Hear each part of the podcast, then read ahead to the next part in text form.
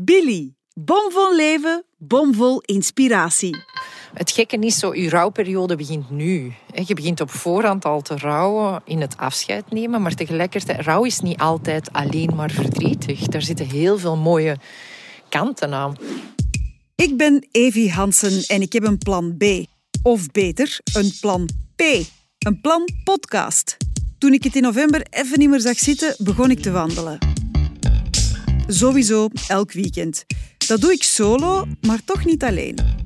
Via ingesproken berichten babbel ik met mijn moeder, mijn nichtje, een vriend en mijn beste vriendin over de dingen die ons bezighouden. En dat 2500 stappen lang. Welkom bij Walkie Talkies. U luistert, ik tel de stappen.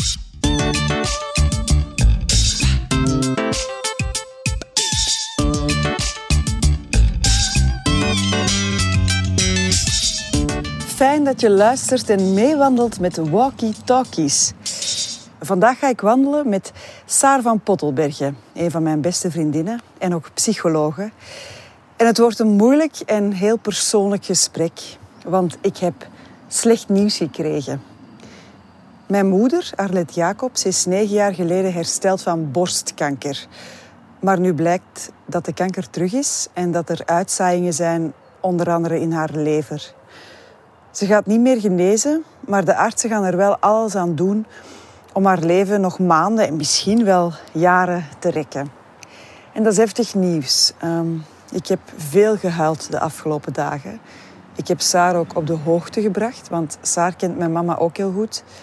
Uh, mijn mama werkte destijds mee aan een onderzoek dat Saar deed over seksualiteit en kanker. En toen ik samen met mijn kinderen en het gezin van Saar op vakantie ging, zijn mijn ouders ook even langs geweest. Saar is al op de hoogte. Ik heb haar een paar dagen geleden gesproken. Um, toen ik het net wist, in tranen. En nu ik een beetje gekalmeerd ben, hoop ik dat Saar me tips kan geven over hoe ik om kan gaan met dit slechte nieuws. Hey Saar. Ja, ik ben weer uh, door de stad beginnen wandelen. Um, want uh, ja, het gaat beter met mij hoor. Het eerste verdriet is uh, een beetje gaan liggen of zo. Um, maar ik wou u even spreken, omdat mijn mama hier gisteren was. En dat deed ontzettend deugd, omdat zij nog niet ziek is. En dus ze zag er goed uit, ze was vrolijk. Maar zij heeft het nieuws ook aan de kindjes verteld. En ik vind dat toch een belangrijke stap in heel deze verwerkingsproces. Dus ik wou even met u, uh, met u babbelen, als vriendin, maar ook als psychologe. Maar heb je even tijd? Want ja, ik ben er weer, ze, met mijn ingesproken berichtjes. Hey Evie. Ik heb veel aan u gedacht de afgelopen dagen. Dat is toch iets wat u bezighoudt, waar dat je waar dat heel de tijd in uw hoofd speelt. Zo, van hoe, hoe gaat het met u? Hoe gaat het met Arlet, uh, hoe gaan jullie hier door? En uiteraard, als ik u twee dagen geleden nog zie en je zit volop in dat verdriet en gevraagd, mag ik wel zo verdrietig zijn? Want hè, mijn mama is er nog en, en ze is nog niet ziek. En, of ze voelt zich nog niet ziek. En, en mag dat dan wel? Mag ik echt verdrietig zijn? En dat we het daarover hebben, dat dat mag. En dan hoor ik jou nu en dan zeg je, het gaat al wel beter. Dat is echt zo typisch voor u. Ja, dat is zo typisch ik. Hè? Ik die mij schuldig voelde omdat ik zo verdrietig was. Maar daar, daar hebben we het straks nog wel over. Um, eerst de kinderen. Hè. Um, we hebben dan besloten om het mijn mama zelf te laten vertellen. Uh, we hadden eerst heel tof samen gegeten. En um, daarna heeft mijn mama uh, verteld aan de kinderen, heel rustig, dat um, het beestje in haar borst van acht jaar geleden, dat dat zijn weg had gevonden naar haar lever.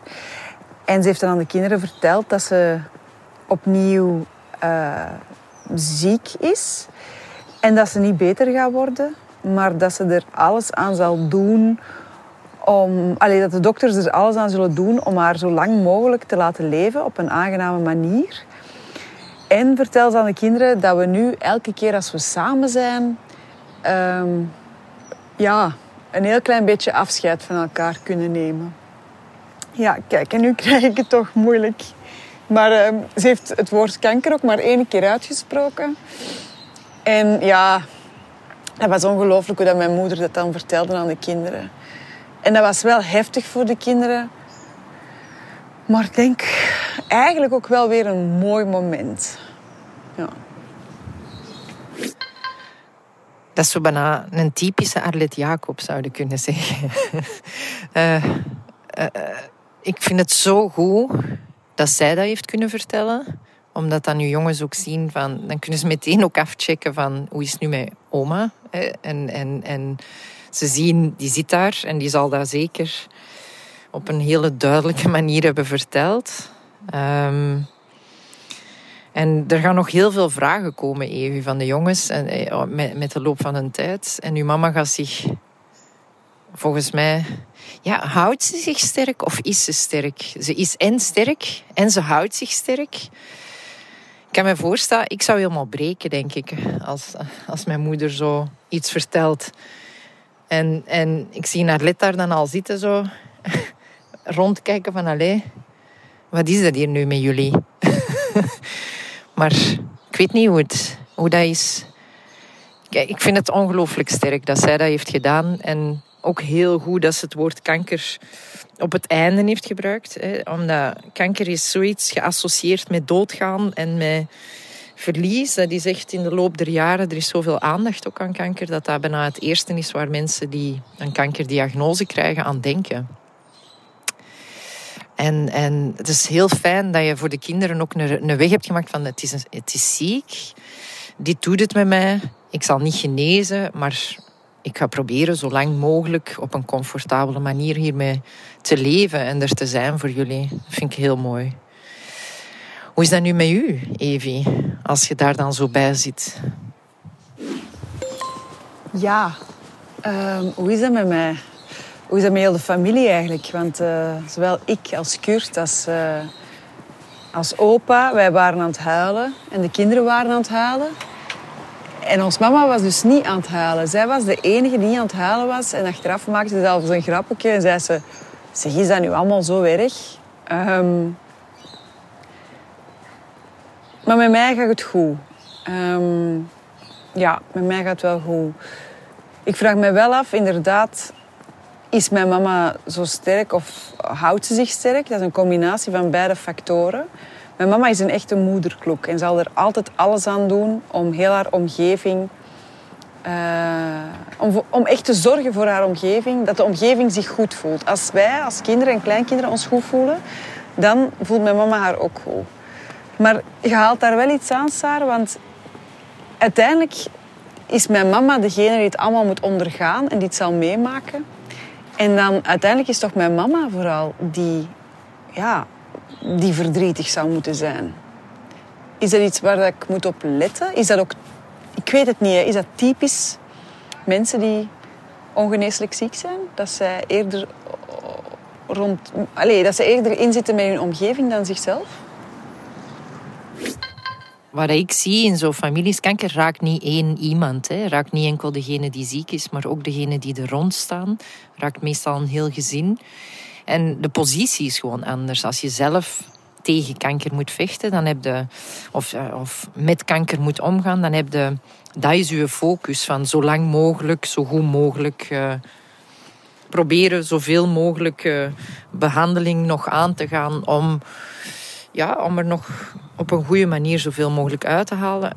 Degenen die er rond staan, die zitten met een meer machteloos gevoel, omdat ze, zij kunnen niet echt iets doen. Zij kunnen, niet, uh, ze kunnen alleen maar ondersteunen, wat dat super belangrijk is. Wat dat echt heel belangrijk is. Dat is ook echt uit onderzoek gebleken, dat sociale steun uh, een hele positieve invloed heeft uh, op mensen die een kankerbehandeling moeten ondergaan.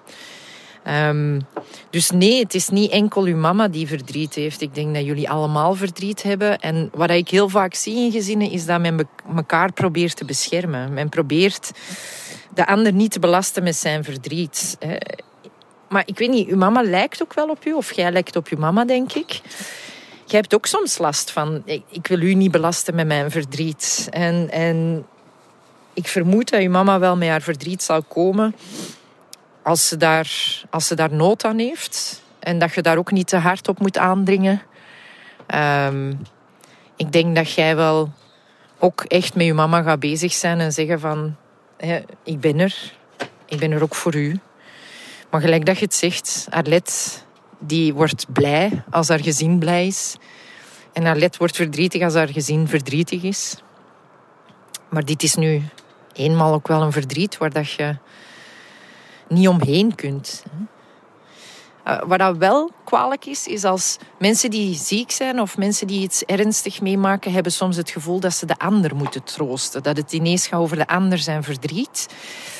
En dat vinden ze moeilijk. Want dan schakelen ze hun eigen gevoel uit, gaan ze de ander troosten en zijn ze niet meer bezig met wat voel ik nu, wat, wat, wat doet dit nu met mij? Ah ja, ik zal die andere maar troosten. En als dat te vaak gebeurt, dan ervaren mensen toch zoiets van, ah, er is geen ruimte voor mijn verdriet, dus ja, dat mag er dan ook niet zijn of zo. Dus dat is wel iets waar dat waar dat je aandacht aan kan besteden.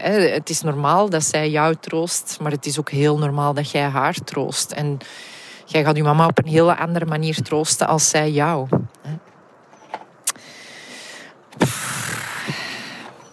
Evie, echt waar. Je wordt er toch een beetje sprakeloos van, vind ik. Of ik word er toch een beetje sprakeloos van. En um, ik kan alleen maar zeggen dat ik veel met jullie bezig ben. Dat ik veel aan jullie denk. De dingen van je afstappen, dat is wat ik tegenwoordig doe. En als jij nu ook meewandelt, dan heb je nu duizend stappen gezet. We gaan voor 2500 stappen.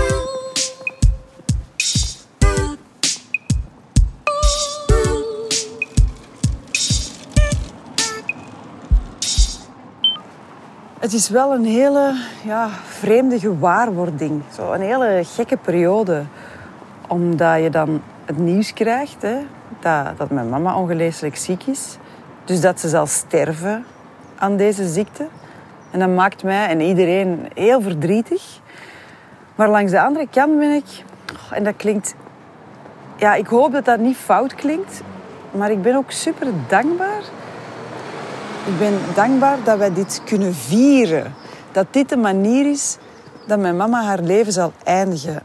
Want we kunnen nu echt bewuste keuze maken om afscheid te nemen elke keer als we babbelen. Om, om elke keer als we samen zijn daar iets stof van te maken. Dat deden we ervoor al, hè, maar nu gaan we dat nog veel bewuster doen. Ik zie dat bijna als zo een langgerekt feest. En geen feest van op de tafels dansen, maar wel een feest zo met een heel goed lang gesprek. Een, een soort van ode aan mijn mama de komende maanden of, of jaren. En dat verdient ze wel. Dat is precies alsof ik haar nu eindelijk op haar gouden troon kan zetten. Dat ze echt wel verdient. En dat ik haar ja, kan teruggeven wat ze al die jaren aan ons heeft gegeven. Aandacht en complimenten, humor. Ja, ik, ik weet dat dit heel raar klinkt voor veel mensen, maar ik vind dit afscheid, en mijn mama vindt dat ook, heel goed bij haar passen. Het, is bijna een cadeau. Ja, ben ik nu alles hier volledig aan het relativeren of, of snap je wat ik bedoel? Een ode aan uw mama is altijd gewoon ode aan mama's is gewoon, ja, is, is, is, is goed. En ik zie Arlet al op haar gouden troon. Het gekke is zo, uw rouwperiode begint nu. Je begint op voorhand al te rouwen in het afscheid nemen. Maar tegelijkertijd, rouw is niet altijd alleen maar verdrietig. Daar zitten heel veel mooie kanten aan, wat dat ook heel gek klinkt. Uh, waar dat mensen heel erg van verschieten. Zo. Maar je gaat nog heel veel lachen. Je gaat nog heel veel grappen maken. Je gaat nog heel veel dingen beleven samen en, en dingen uitspreken. Ik denk niet dat jullie nog heel veel moeten uitspreken. Jullie band is gewoon heel goed en open, maar, maar je, je kunt je een tijd nemen. Zo. En, en dat is waar. Daar mag je dankbaar voor zijn dat je die tijd krijgt om op zo'n manier een afscheid te vieren, gelijk dat je het zegt. Onze taal is gewoon niet zo toereikend voor rouw. Onze taal is niet zo toereikend voor afscheid nemen. Onze taal is daar nogal in beperkt. Mensen zeggen dan van ik heb geen woorden en dat klopt ook. Je hebt vaak geen woorden om dat te beschrijven. Dus nee, dat is niet gek. Alle aspecten van het emotioneel spectrum komen aan bod tijdens rouw. En jullie gaan daar echt in gaan staan. En jullie zijn ook levers, zo. Jullie leven echt. Dus eergisteren lag je in puin op de grond en nu leef je al terug en ben je bezig met plannen maken en bezig met, oké, mama, hoe gaan we dat doen? En, en dat is gewoon schoon. En, en dat is een kans. Het gekke aan deze periode is dat ik dus niet weet hoe lang dat ze gaat duren. Dat kan maanden zijn, maar dat kunnen ook jaren worden. Hè? Dat kan twee jaar zijn, maar heel optimistisch kan dat ook nog vijf jaar zijn. Dat is lang, hè? Dat zijn echt nog vele uren en dagen en weekends. En, en dat vind ik ook wel heftig, want het is niet overzichtelijk of zo. Als ik dit verhaal vroeger had gehoord, want ja, veel mensen maken dit mee, dan kon ik mij niet voorstellen hoe heftig dat zou zijn. Echt, ik kon mij niet voorstellen dat ik dat slecht nieuws zou kunnen verwerken of, of hoe dat ik daarmee zou omgaan. En nu zit ik daar zelf in. En ik weet dat nog altijd niet. Hè. Dat vind ik gewoon raar aan deze periode dat ik nu aan een traject begonnen ben. Een rouwtraject, maar ook van dankbaarheid en het leven vieren. En ik heb, ik heb geen idee hoe lang dat dit gaat duren. En dat is zo maf, dat is een raar gevoel. Want als ik mij nu als smijt, hè, dan ben ik bang dat ik geen energie meer heb over een jaar of zo. En ook oh, over Overdrijf ik niet een beetje als ik nu al verdrietig ben? Of, of te dankbaar ben? Want stel dat mijn mama nog vier jaar leeft. Hè? Dat is ook zo raar. Ja, dat flitst allemaal door mijn hoofd. En ook de uitleg naar de kinderen. Hè? Ik vond het heel belangrijk dat wij dit aan hen vertelden, nog voor mijn mama echt ziek wordt. Want zij zal pas echt ziek worden als zij weer in behandeling gaat. Hè. Ehm, maar ik weet wel dat heel veel mensen daarmee wachten tot het einde in zicht is. En nu hebben mijn kinderen natuurlijk allemaal vragen. Zo van, ja, kan ze echt niet meer genezen? En hoe lang hebben we nog? Nee, ze kan niet meer genezen. En hoe lang hebben we nog? Ik weet het niet. Maar ze is nog wel springlevend. Dat heb je wel gezien. Maar dan denk ik ook van, oei, kan een kind dit wel aan? Hè? Maar ja, ik kan het niet meer terugdraaien. Ze weten het nu. Maar wat denk jij daarvan als kinderpsychologe? Het is iets wat ik heel gek vind. Ik doe daar al een hele tijd rouwbegeleiding. En, en, en ik ben altijd verwonderd over hoe weinig dat, dat bij ons leven hoort. Als je uh, zwanger bent van een kindje, dan weten wat erin zit, dat moet eruit. Dat weten. En, als je, en je weet ook dat iedereen gaat sterven. En we weten niet wanneer, niemand weet dat. En jullie hebben nu een klein beetje zicht gekregen hè, op uh, dat het geen eeuwigheid niet meer zal duren. Uh, wat bij niemand zo is. Maar je weet, meer weet je niet en niemand gaat u daar antwoorden op kunnen geven. En dat is ook leren leven met het aspect doodgaan. En dat is bij jullie nu heel dicht in de buurt gekomen. En ik denk dat je dat voor je kinderen juist heel goed hebt gedaan. Ik vind het opnieuw, hè, zo dat zelf heeft verteld, waardoor dat ze jongens ook echt bij de hand kan nemen en hen mee kan nemen in dat verhaal van ik weet het ook niet. Wat ik moeilijk vind voor hen is dat je met corona zit, waar dat ook al superveel onzekerheid geeft. Maar je kunt alleen maar antwoorden geven van zo sta ik erin. Arlette kan alleen maar tonen hoe zij erin staat, hoe dat zij er tegenover staat. En je kunt alleen maar luisteren naar de jongens van welke vragen dat er komen. Exacte antwoorden bestaan er in dit gegeven niet. En wat ik zie ook, is dat mensen die met zo'n diagnose... Uh, het is ongeneeslijk. Hè?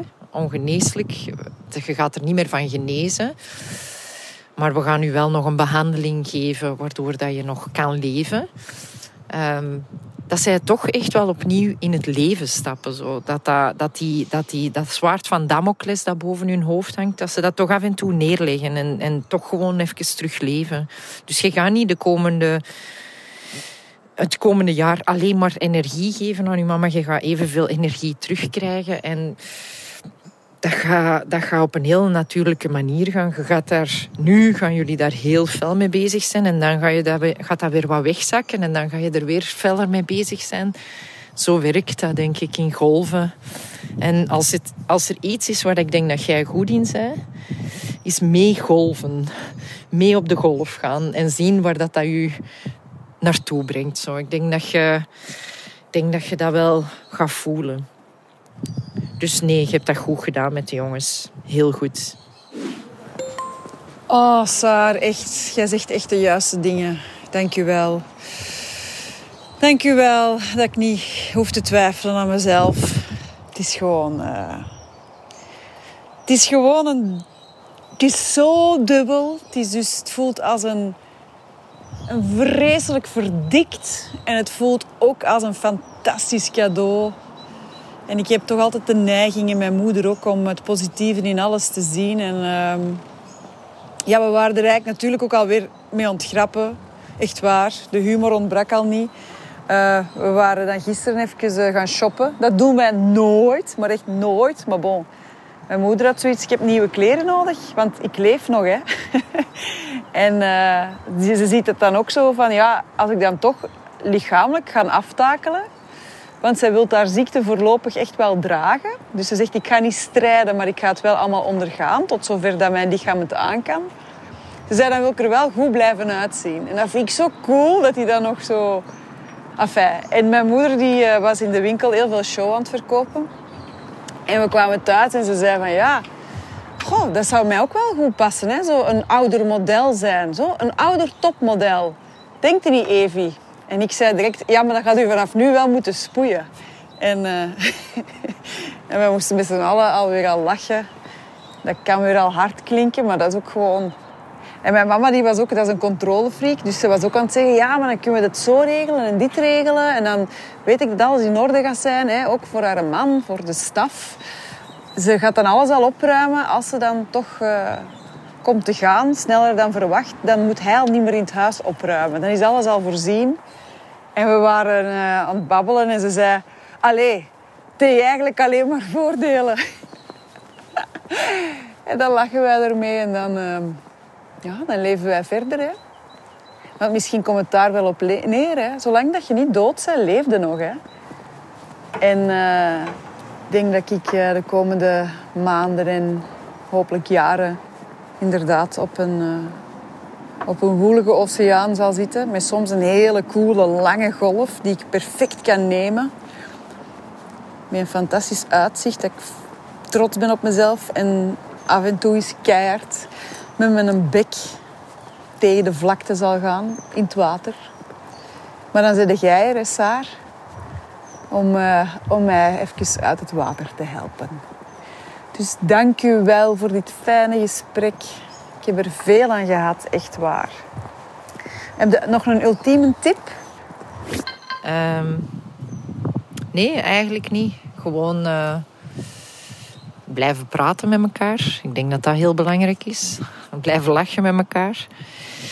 En, en, en zien dat, dat je oké okay bent. Zo dat, voelen wat je voelt. Hè. Toelaten wat je voelt welke kant dat, dat ook uitgaat. Uw mama is super open en ook dit zal ze wel omarmen en ze zal u ook wel begeleiden in wat ze verlangt van u dat jij moet doen. Lieve Evie, ik kus u. Het gaat je goed. Tot hopelijk snel. En als er iets is, night and day, bel mij. Dag schattie. Ah, dankjewel voor de babbel, lieve Saar. En ik hou u op de hoogte, ook als ik geen zin heb om u lastig te vallen met mijn twijfels of verdriet. Beloofd. Tot eh, binnenkort. Dag. Wandelen als je door een moeilijke periode gaat, ik kan het alleen maar aanbevelen. Ehm, en als je hebt meegewandeld terwijl je luisterde naar dit gesprek, dan heb je nu 2500 stappen gezet. Fijn dat je luisterde. En als je jezelf herkende in dit gesprek, weet dat je dus niet alleen bent. Tot de volgende keer.